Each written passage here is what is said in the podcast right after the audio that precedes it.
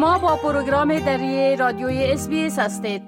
شنونده های عزیز حال با همکارم سام انوری درباره یکی از رویدادهای مهم صحبت می کنم آقای انوری سلام عرض می کنم خب یکی از رویدادهای مهم احضار رئیس شرکت کانتاس بود که او به جلسه استماع سنا احضار شد و مورد پرسش قرار گرفت بله؟ با سلام به شما و شنوندگان عزیز خب بله همانطوری که شما اشاره کردید شرکت هواپیمایی کوانتس هفته پیش اعلام کرد که در سال مالی گذشته دو اشاریه چلو هفت میلیارد دلار سود کرده. در حالی که سال مالی قبلیش دو میلیارد دلار ضرر کرده بود. در پی اعلام این سود خیره کننده و بی سابقه که کوانتس همزمان با گرانی فضاینده در سال مالی گذشته به جیب زده.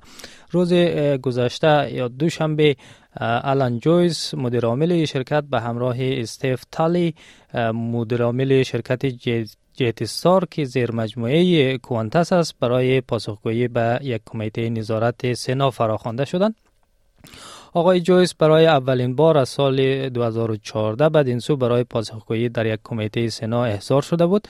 در این جلسه فاش شد که کوانتاس در دوران همگیری کرونا 2.7 میلیارد دلار را از پول مالیات دهندگان استرالیا به جیب زده و آقای جویس تایید کرد که این پول را شرکت پس نمیته سناتوران عضو کمیته ای که در البته درباره فشار هزینه های زندگی تحقیق می‌کنه عملکرد آقای جویز و شرکت کوانتاس پس از باز شدن مرزها را شدیدن زیر سوال بردن و او را متهم به گمراه کردن مردم کردند. کوانتاس قبلا گفته بود که به ارزش 370 میلیون دلار بابت اعتبار یا کردیت پرواز از مشتریانش قرضدار است. اما دیروز فاش شد که کوانتاس حدود 100 میلیون دلار قرضداری شرکت جیت استار را بابت اعتبار پرواز در این رقم درج نکرده. بله. خب مدیر عامل شرکت کانتاس از مفاد بلند که کده و او هم در حالی که نرخ کرایه ها بسیار بالا است. چطور دفاع کرد؟ چی گفت؟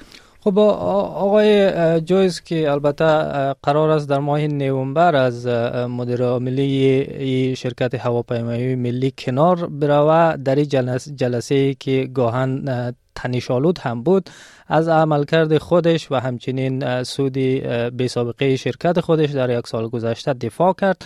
آقای جویس در جلسه که البته در شهر ملبورن برگزار شده بود گفت که در حال حاضر انتقادهای زیادی از سود شرکت ها وجود دارند و این تا حد زیادی به این دلیل است که فشار هزینه های زندگی به طور موازی جریان داره و اونا هم این مسئله را درک می‌کنه.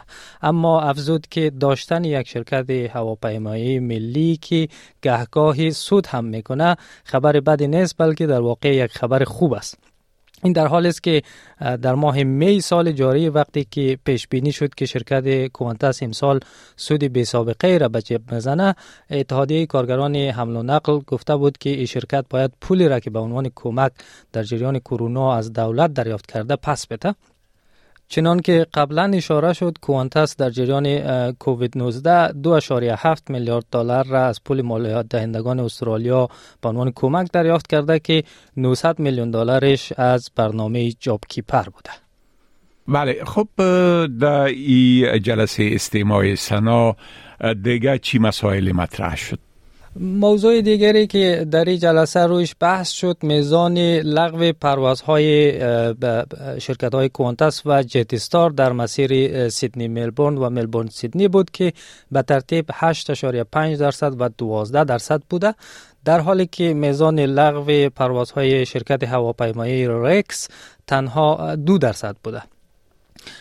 در همین مسیر مد کانوان یکی از سناتوران عضو کمیته با مطرح کردن سوال گفت که کوانتاس عمدن ظرفیت پروازها را در این مسیر کاهش میده تا کرایه بیشتری از مسافران بگیرند و در نتیجه سود بیشتری به جیب بزنند. اما آقای جویس گفت که شرکت رکس تنها در سه مسیر پرواز دارد در حالی که کوانتاس یک شرکت بزرگ و یک شبکه بزرگ و پیچیده پروازها را اداره و مدیریت می‌کنه.